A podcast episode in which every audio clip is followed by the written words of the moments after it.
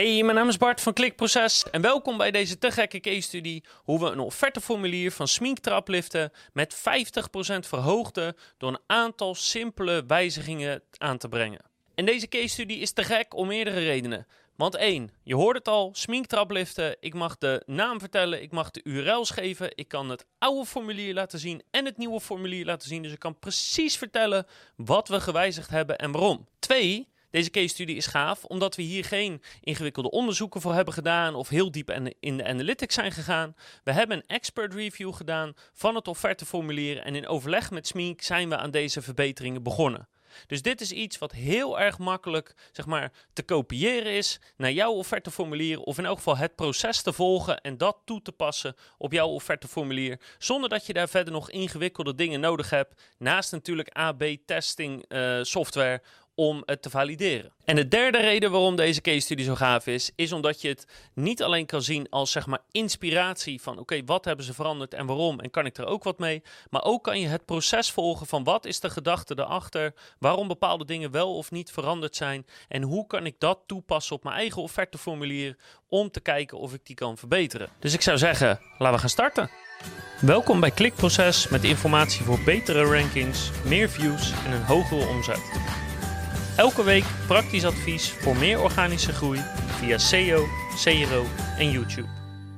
Voor websites die leads genereren is het offerteformulier nogal belangrijk. Het verschil tussen wel een lead en niet een lead, het verschil tussen wel omzet of niet omzet.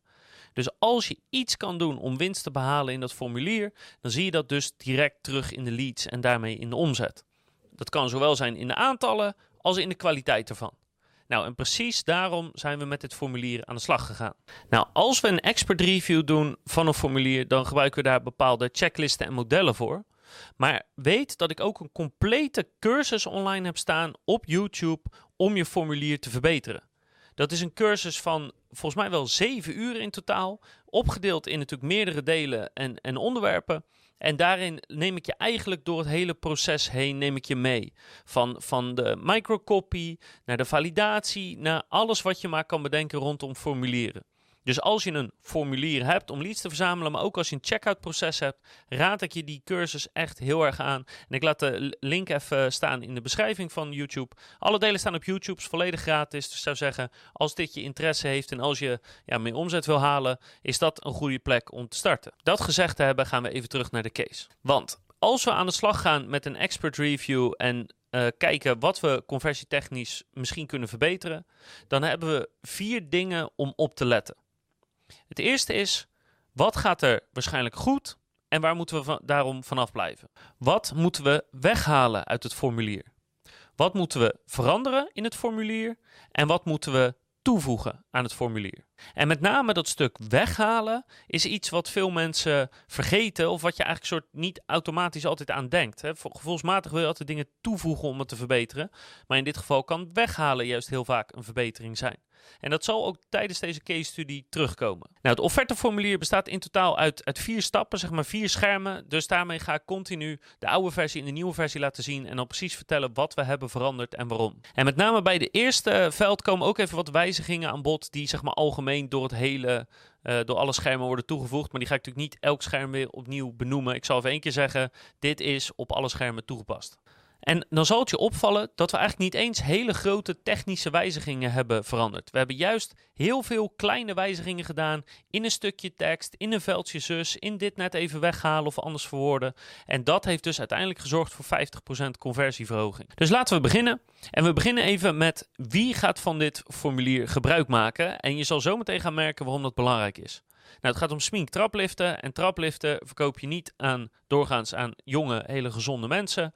Uh, de doelgroep is wat ouder. En het kunnen zijn oudere mensen die daar zelf gebruik van maken.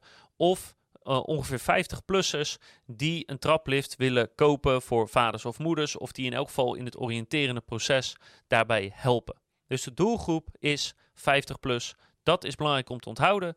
Tweede belangrijke ding aan de doelgroep is dat ze vooral op tablet zitten. Dus in tegenstelling tot mobile first, hoe nu veel ontwikkeld en gekeken wordt, is dit tablet first gedaan. En dan beginnen we bij stap 1 van het formulier. En dan beginnen we meteen met een paar algemene wijzigingen.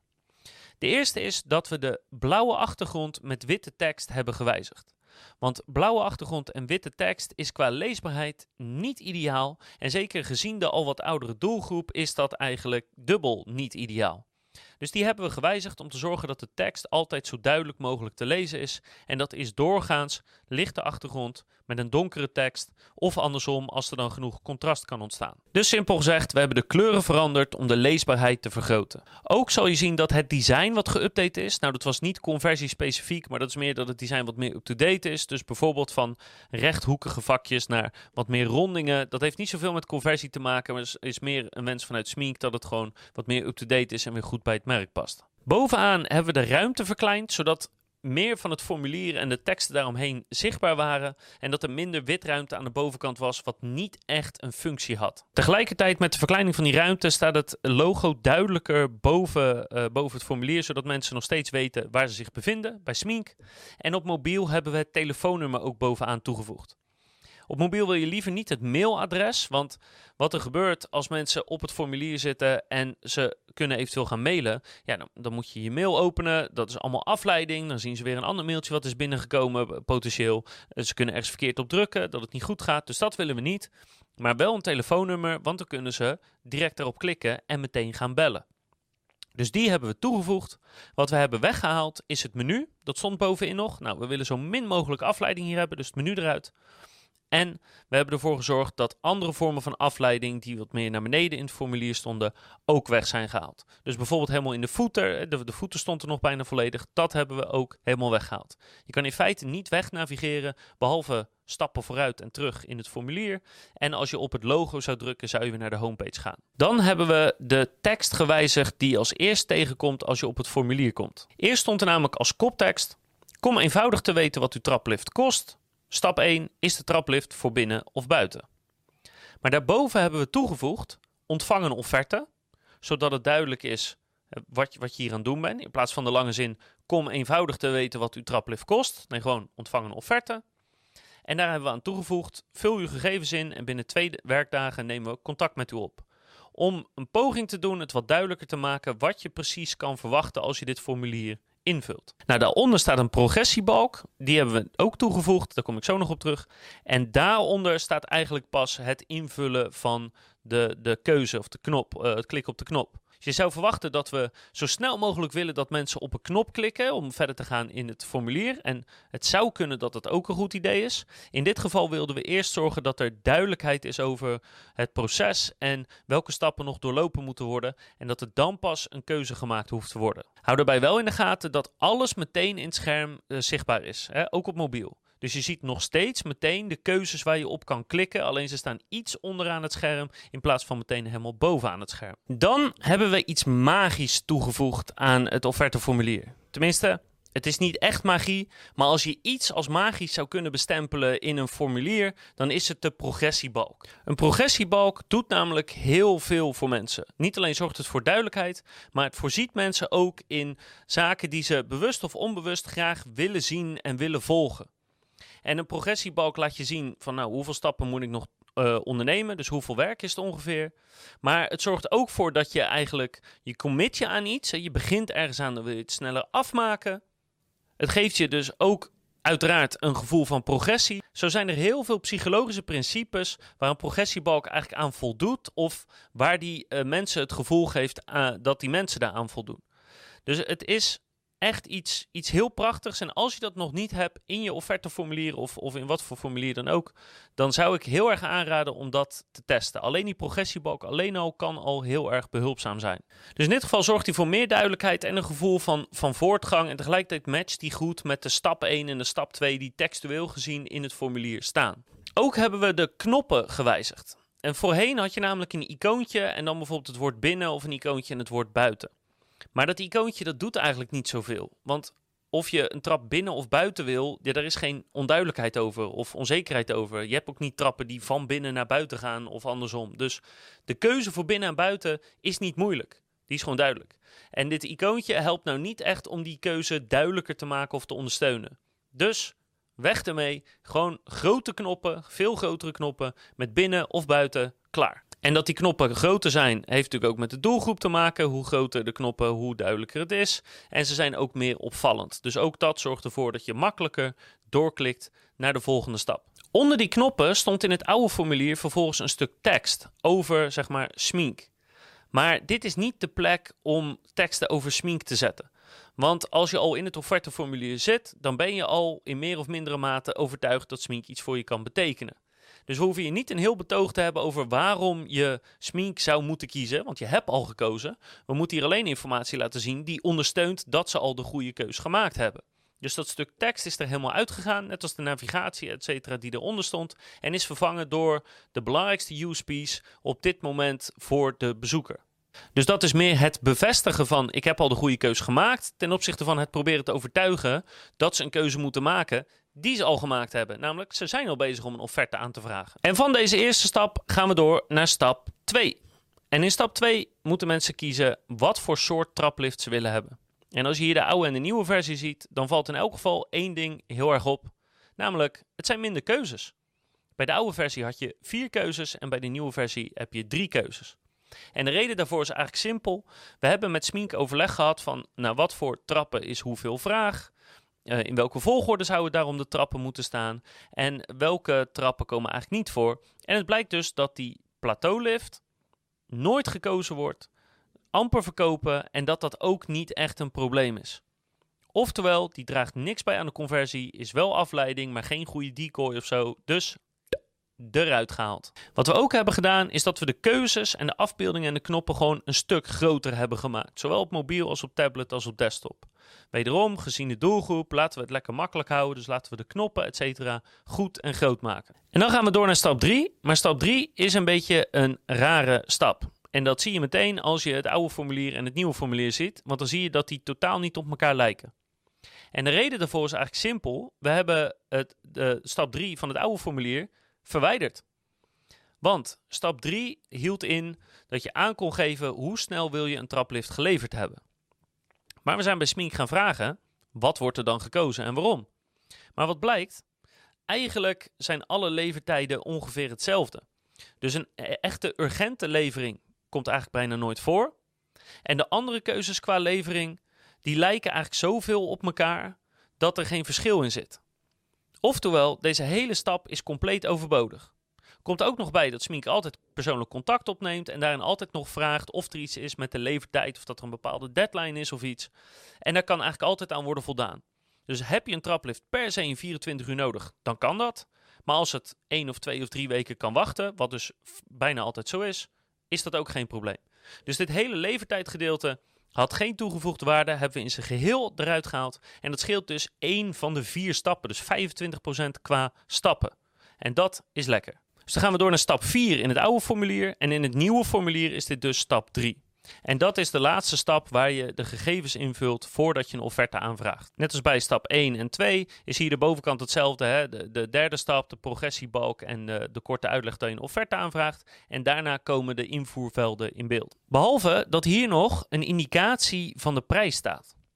En dat is iets wat Smink al had in het vorige formulier. Dat als je bezig bent met een offerte, dat een prijsindicatie komt. Maar dit kan zo'n grote impact hebben, dit, dit ene dingetje, dat we die eigenlijk niet eruit wilden halen en eventueel later nog willen gaan testen of dit nou een impact heeft of niet. En moet je nu al een indicatie van de prijs laten zien in je offerteformulier of niet? Dus omdat we het eigenlijk niet zo goed durfden te zeggen wat voor impact dit heeft, zowel positief als negatief, hebben we hem gewoon laten staan, zodat we de rest van het formulier kunnen testen. En dit wordt op een gegeven moment een test op zich. Dan bij de invoervelden. In het oude formulier beginnen we bovenaan met een ANF. En dan kan je uit een drop-down kiezen uit meerdere opties. Nou, dit had een paar problemen. Eerste is dat mensen het veld gewoon niet zien en overslaan. En daardoor krijg je in je systeem soms een mevrouw die je aanspreekt als de heer. Dat is een beetje ongemakkelijk. Dus in plaats van uh, die opties te verbergen, hebben we ze meteen zichtbaar gemaakt. Uh, zodat je meteen kan aanklikken. En we hebben er radio buttons van gemaakt. Dus je kan maar één van de opties aanklikken die niet standaard staat aangeklikt. We hebben gekeken in, in de database en het CMS van hebben we gemiddeld meer aanvragen van mannen of van vrouwen of van een familie of iets anders.